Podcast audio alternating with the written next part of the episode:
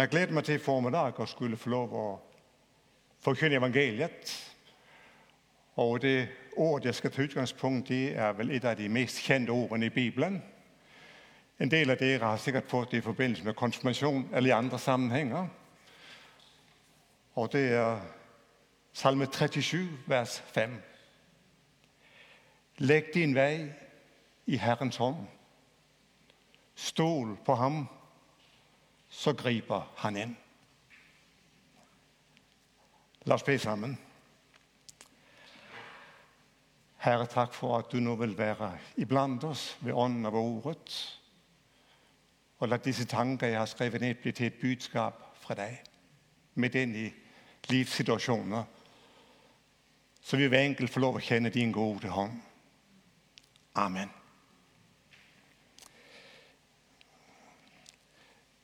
Januar 1940, så skrev en dansk præst, som hedder Emil Larsen, en sang, jeg har lyst til at tage udgangspunkt i her i dag. Og han beskriver selv den situation, han var i, da han skrev salmen. Ude i den store verden, så var det dystert. Hitler havde sat i gang sine kriger og de grusomme jødeforfølgelserne. Fremtiden var truende mørk udtryk. Og han følte, at denne første nytårsdag, så var det vanskeligt at holde en prægen, som bare skulle give lidt grann håb midt i mørket. Men så føler han, at Gud giver ham et budskab om tryghed. Og når han var færdig med, med at forberede prægene, så kom det tre strofer, eller tre vers, som han skrev ned til en salme. Og jeg skal tage det og læse det første verset, og lade det være udgangspunktet for de tanker, jeg skal dele med dere. Foran mig er en vej, jeg ikke kender. En sti, hvorom i dag jeg intet ved. Jeg aner ikke, hvad i morgen hænder. Om dagen bringer kamper eller fred. Men det jeg ved, mit liv er i Guds hænder, og Gud er evig kærlighed. Men et, jeg ved, mit liv er i Guds hænder, og Gud er evig kærlighed. Jeg skal altså sige noget om hånd eller hænder i formiddag. Og vi ved jo alle, hvad hænder er for noget på en måde. Så tænkte jeg, kunne være greit at gå til et leksikon og se, hvordan leksikon definerer det, vi kender så godt. Det er det spændende at få nye indfaldsvinkler. Og her står der, at hånden, det er den kropsdel, som sidder ved enden af underarmen armen, og gør mennesket i stand til at gribe. Hånden består af 27 knokler, delt ind i håndroden, mellem hånden og fingrene. Mennesket har vanligvis to hænder, og på hver af disse hænder har man vanligvis fem fingre. Det, som gør menneskets hånd helt specielt, og nu skal du høre godt efter, er tomlens oppositionsbevægelse. En bevægelse, som gør, at tomlen kan føres ind mod alle andre fingre. Det gør den i stand til at gribe, og det er jo, og nu er jeg færdig med leksikon, nu skal jeg snakke videre for egen regning. Det er to fantastiske redskaber, Gud har givet os fra skabelsen af.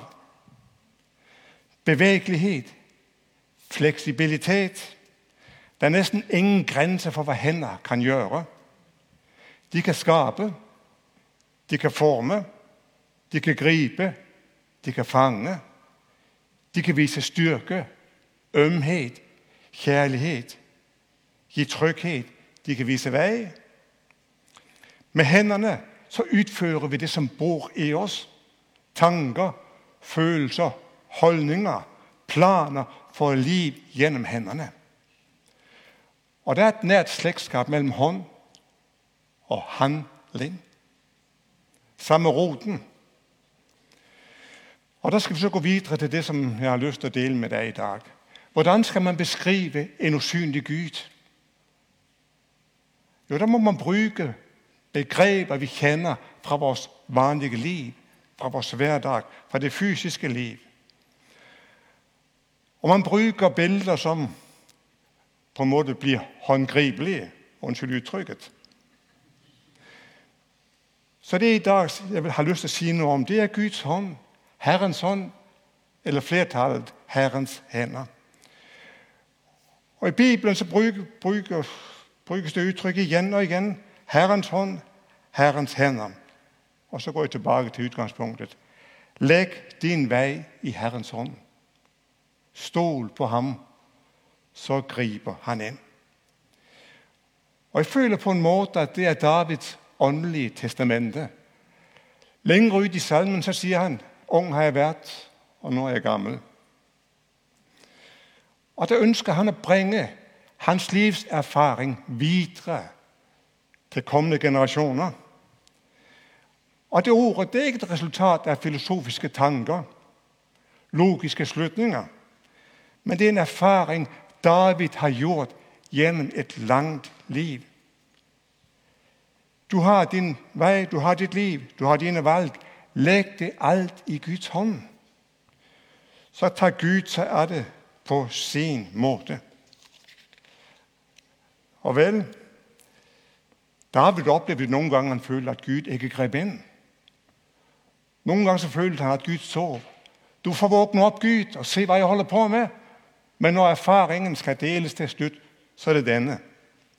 Stol på ham, så griber, altså du har billedet, så griber han ind. Nu er det sidste, Jesus sagde på korset. Far, i dine hænder overgiver jeg min ånd. Det var faktisk kveldsbønden for jøder. Far, at når man skulle lægge sig til ro, far, i dine hænder overgiver jeg min ånd. Guds hånd, Guds hænder, det taler om en levende, en handlende Gud. En Gud, som griber ind. Og så findes der som sagt mange skriftsteder, som understreger forskellige sider ved, hvordan Guds hånd griber os og gør noget i vores liv. Og jeg skal tage nogle af dem her i formiddag. Filipperbrevet, kapitel 3, vers 12, der skriver Paulus, jeg mener ikke, at jeg alt har nået det, eller alt er fuldkommen, men jeg jager frem mod det for at gribe det, fordi jeg selv er grebet af Kristus Jesus.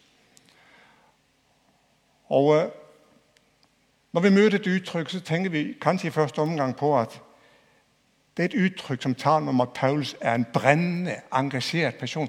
Jeg er grebet, jeg er grebet. Men han går et skridt længere tilbage.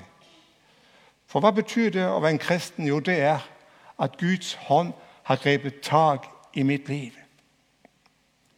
Det var ikke jeg, som greb ham, men det var han, som strakte sin hånd ud og greb tag i mit liv, akkurat der jeg var. Og der siger David, han drog mig op af fordærvelsens grav, op af den dybe gjørmen. Han satte mine fødder på fjeld og gjorde skridtene faste. Han drog mig op. Fordærvelsens grav, fordærvelsens grav, den brusende graven. Jeg har et billede af en mægtig fos, der du falder ud, og ikke klarer at rette dig selv. Den dybe jørmen, der tænker jeg på barndomsdagen, når jeg gik langs Limfjorden i Aalborg. Og kunne du ligesom komme længere og længere ned, jo mere du bevæger dig og du kendte stanken, der steg op og tænkte, var for rådnet eller halvvejs rådnet. Du klarede ikke at befri dig fra det selv. Altså David var ude i en håbløs situation. Hvad den består i, det ved vi ikke. Men han råber til Gud, og Guds mægtige hånd kommer og løfter ham op. Griber ham akkurat der han er. Befrier ham og sætter hans fødder på et fast fundament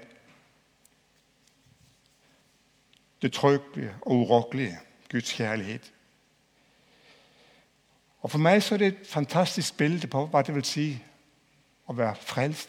Det er, at Herrens hånd, hans magt griber tag i vores liv og løfter os op, der hvor vi ikke selv kunne frelse os. Baron von Münchhausen har dere kanskje hørt om. Denne skryteparen fra Tyskland, som oplevede mye, mye forskjellig, og kunne aldrig stole på ham. En gang kom han til en myr og skulle over den med hesten. Og han prøver en gang, men der kommer han bare halvvejs ud. Der snur han hesten i luften og hopper tilbage igen.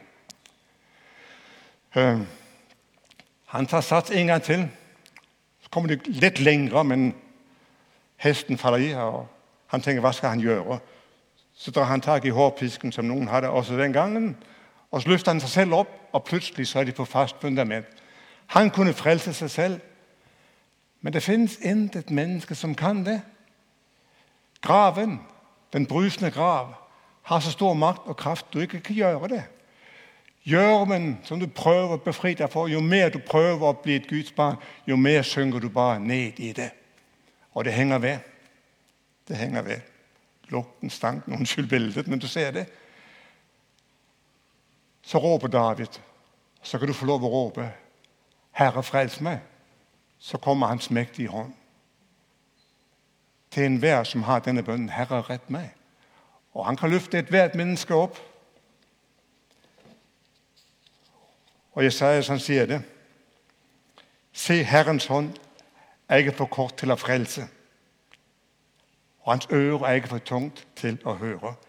Uanset hvor du befinder dig, uanset hvor håbløs din situation måtte være, du er aldrig så langt borte fra Gud, at han ikke kan, begribe, eller kan gribe dig, eller få tag i dit liv. Aldrig. Og der findes ingen situation, som er så håbløs, at ikke Herrens hånd kan nå dig.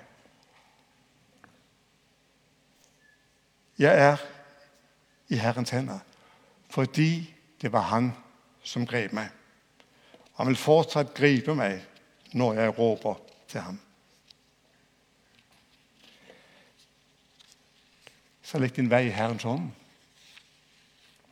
I Herrens hånd så er det godt at være.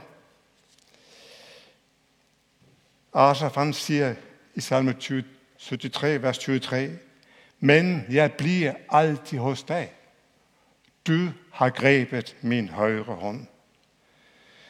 Der fortælles om en nervøs turist i Alperne, som skulle passere et område, som virkede farligt. Og vedkommende stod længe og lyttede, for kan jeg gå videre?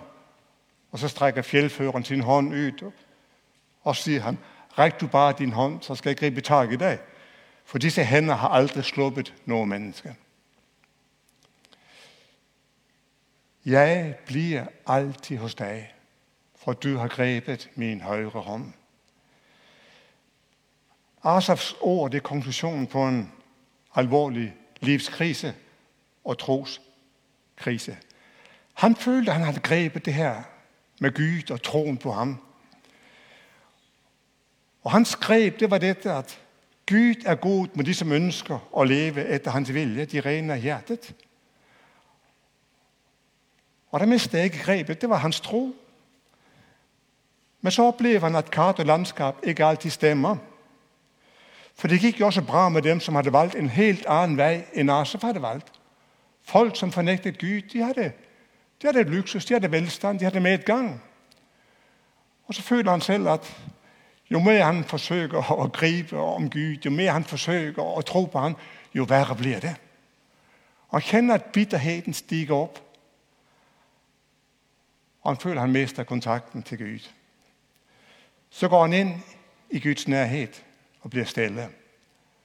Og så kommer denne sandhed til ham. Det er jo ikke mit greb, det kommer an på. Det er ikke min tro. Det er det mit engagement. Det er ikke min kærlighed. Men det er det, at du har grebet mig. Det er din højre, som holder mig fast. Og det er fantastisk, når vi får lov at opleve det. Du har grebet. Uanset hvad jeg skal møde, så holder du mig fast. Og Jesus sagde selv til sine disciple, ingen kan rive nogen ud af min fars hånd.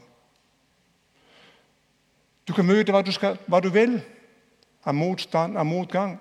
Hvis du ønsker at være hos Gud med dit liv i alle dine vanskeligheder, så kommer han aldrig nogensinde til at slippe dig. For det er han, som har grebet os. Det er han, som holder fast. Der findes ingen magt i verden, som kan overvinde ham. Og derfor siger Paulus så triumferende i afslutningen af Romerbrevet, kapitel 8. Jeg er vist på, at hverken død eller liv, hverken engler eller kræfter, hverken det, som nu er, eller det, som kommer, eller nogen magt, hverken det, som er i det høje, eller i det dybe, eller nogen anden skabning, skal kunne skille os fra Guds kærlighed i Kristus Jesus, vor Herre. Det er ham, som har grebet. Det er ham, som holder dig fast. Så hvor fortvilet du end kan være, stol på ham, så griber han ind. Og jeg kan fort, huske fortsat de trygge hænder, jeg kunne lægge mine hænder i som et barn. I møde med det ukendte. Den første skoledag, i møde med en, øh, en voldsom svaren, som angreb, også når vi skulle ud til min mormor og morfar. Der kunne jeg lægge min hånd i min morfars hånd, og så han op i forhold til svaren, og kaste den på sjøen igen. Hans hånd, den var god, den var tryg. Og som selv som forældre, eller bedsteforældre, kunne strække en hånd ud og give tryghed til barnet, når vi skulle vandre i møde med noget ukendt og noget farligt. Det er jo slik, det er. Han holder fast. Derfor bliver jeg altid hos dig, for du har grebet min højre hånd. Men det jeg ved, mit liv er i Guds hænder, og Gud er evig kærlighed. Guds hænder, de holder fast, uanset.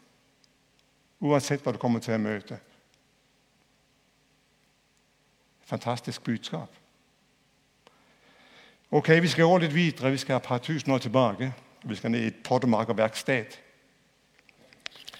Der kom Herrens ord til mig, Israels hus. Kan ikke jeg gøre med dere slik, denne pottemarkeren gør med læren, siger Herren. Som læren i pottemarkerens hånd, slik er dere i, mit, i min hånd, Israels hus. Det var et budskab til Israels folk, men også til alle, som er i Herrens hænder. For mange år siden så stod jeg i et pottemarkerværksted i Valdres og så en pottemarker i aktivitet. Jeg havde selv på skolen prøvet lidt, men det blev aldrig noget af det. Jeg var ikke den store kunstner. Det blev bare værre og værre med, at man prøvede. Men William, som han hed, han lagde lageklumpen på drejeskiven. Og så begyndte drejeskiven at køre rundt. Han, der var et eller andet, man havde født, og han bevægte. Og så så du, hvordan kunstværket blev til. Et lille tryk her, og et lille tryk her. Så flot den potte blev, han havde skabt, eller var, så jeg husker ikke, hvad det var. Men jeg så, hvordan fingrene, de formet og dannet det til noget brugbart, noget vakkert, noget, som kunne glæde, og som kunne være til brug for de, som havde brug for det.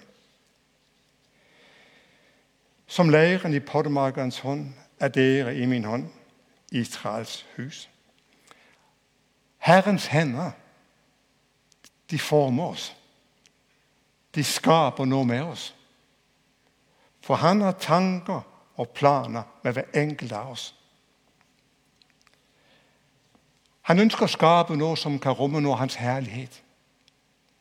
Han ønsker at skabe noget, som skal være til ære for ham og til gavn for mennesker. Og bare vær tryk, du kender, når du ligger på denne platen, som kører rundt, så er der en skabende tanke. Der er det kærlighed. Nogle gange må man trykke lidt her, nogle gange må man trykke lidt her. Men alt han gør, det er for at hans gode vilje skal ske. Og så oplever vi, det er ikke altid, det går med os slik, vi har tænkt. Nogle gange så går noget i livet i stykker. Vi svigter, når det gælder. Vi flygter, når vi skulle blive stående. Vi bruger ikke de rette ordene. vi sårer. Men Gud er ikke færdig med os. Han begynder igen. Og så ved jeg ikke, om du nogle gange har tænkt på, hvad forholdet er mellem hans oprindelige plan og det, som så sker efter det går i stykker, han begynder igen. Der kan være en plan A, der kan være en plan B, plan C, plan D. Jeg kunne bruge hele alfabetet. Øh, alt det var ofte, det går i stykker for os, for det, det gør det ganske ofte. Og der tænker vi kanskje på julepræsangvisen til Alf Frøsen om Lille Jensemann, der skulle lage sybordet til mor Han prøver så godt han kan, og så går plan A. Den fungerer ikke. Så er det plan B. Og til slut så ender han op med en spækkefjøl, som mor kunne smøre skolematten på. Og vi kunne fristes til at tænke, er det på samme måde med Gud, hans planer med os? At plan A, det var den fuldkommende, og så plan C, D, E eller så videre. Det er en lidt dårligere udgave af det Gud har tænkt. Jeg tror ikke, det er slik. Guds store projekt med dig ender ikke som et minimumsudkast af, hvad han havde tænkt. Slutresultatet er akkurat lige perfekt som det første. Kan hende det anderledes. Kan hende Gud bruge det, som går i stykker, til at forme os endda bedre. Endda mere af det, han har tænkt. Kanskje du bliver lidt mere forståelsesfuld over for andre mennesker. Kanskje du bliver lidt mere barmhjertig ved at være på drejeskiven igen og igen. Kanskje du bliver lidt mere barmhjertig. Guds store mål, det er, at vi skal ligne ham mere og mere. Bære mere Jesus med os. Mere hans barmhjertighed. Mere hans nåde. Mere hans forståelse. Så lad nu Gud få lov at forme dig denne formiddagen op. Han har en plan med dig. Han har ikke givet dig op. Han har planer med dig hele livet. Det er ikke sådan, at nogen tænker, nu, nu har han fået sine chancer, nu har hun fået sine muligheder. Men Gud ønsker at forme os et helt langt liv. Så vi fortsat kan rumme nå hans herlighed, når han sender os ud i denne verden. Og Gud har store tanker med dig. Et af de bibelvers, som på en speciel måde udtrykker, men det kommer ikke så klart i oversættelsen, det er fra Efeserne 2.10, hvor der står, hans værk er vi. Der står egentlig, hans mesterværk er vi. Skabt til gode gerninger, som Gud på forhånd har lagt færdige, for at vi skulle vandre i dem. Du er i en mesters hånd. Hvilken tryghed. Så spændende. Han er ikke færdig. Jeg er i Herrens hænder, og han er evig kærlighed, også når han former mig. Det sidste billedet, og der skal du tilbage til torsdag, som var Kristi himmelfartsdag. Så førte han dem ud mod Betania, og han løftede hænderne og velsignede dem. Og mens han velsignede dem, skældtes han fra dem og blev taget op til himlen. Altså det sidste billede, discipleskaren og den kristne menighed fik af Jesus Kristus, det var hænder. Hænder løftet til velsignelse. Hænder, som stadigvæk bare præg af naklerne på korset. Og for disse hænder, så strømmede velsignelsen ned over dem. Og for disse hænder strømmer velsignelsen fortsat over de, som vil være i hans hånd. Han tog de små barn i hænder og velsignede dem. Han tager fortsat sine disciple i hænderne og velsigner dem med alt det gode, han har gjort for os på korset. Hænderne var mærket af korset. Og derfor strømmer velsignelse ind over dit liv og alle de livssituationer, du står i. Hans velsignelse, det er, at han griber tag i os, når vi råber til ham. Hans velsignelse, det er, at han holder os fast. Hans velsignelse at vi kender hans tryghed og hans kærlighed. Hans velsignelse at han arbejder med os, så vi kan rumme noget af hans herlighed.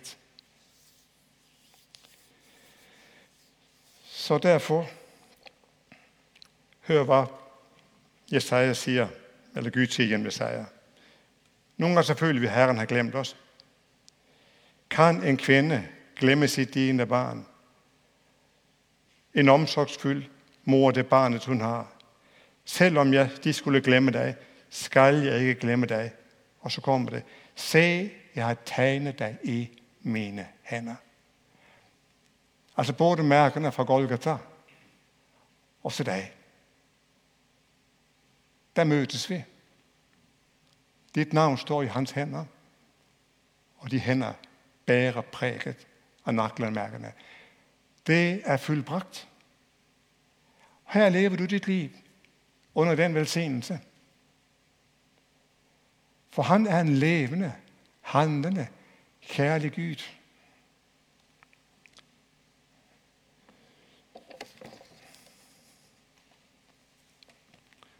Så derfor, læg din vej i Herrens hænder. Stol på ham. Så griber han ind. Men et jeg ved, mit liv er i Guds og Gud er evig kærlighed. Og her er vi i dag. Stol på ham. Sæt din lid til ham, uanset hvad du kender, hvad du føler. Herre Jesus, tak fordi du har en hilsen til os denne formiddag. Og tak fordi vi skal få lov at kende, at du griber. Du griber fortsat. Vi skal få lov at kende varmen fra din hånd. Vi skal få lov at kende, at den er levende. Vi skal få lov at kende, at den berører os, at den former os, den danner os, og den velsigner os. Så her er vi Herre, og her er du. Amen.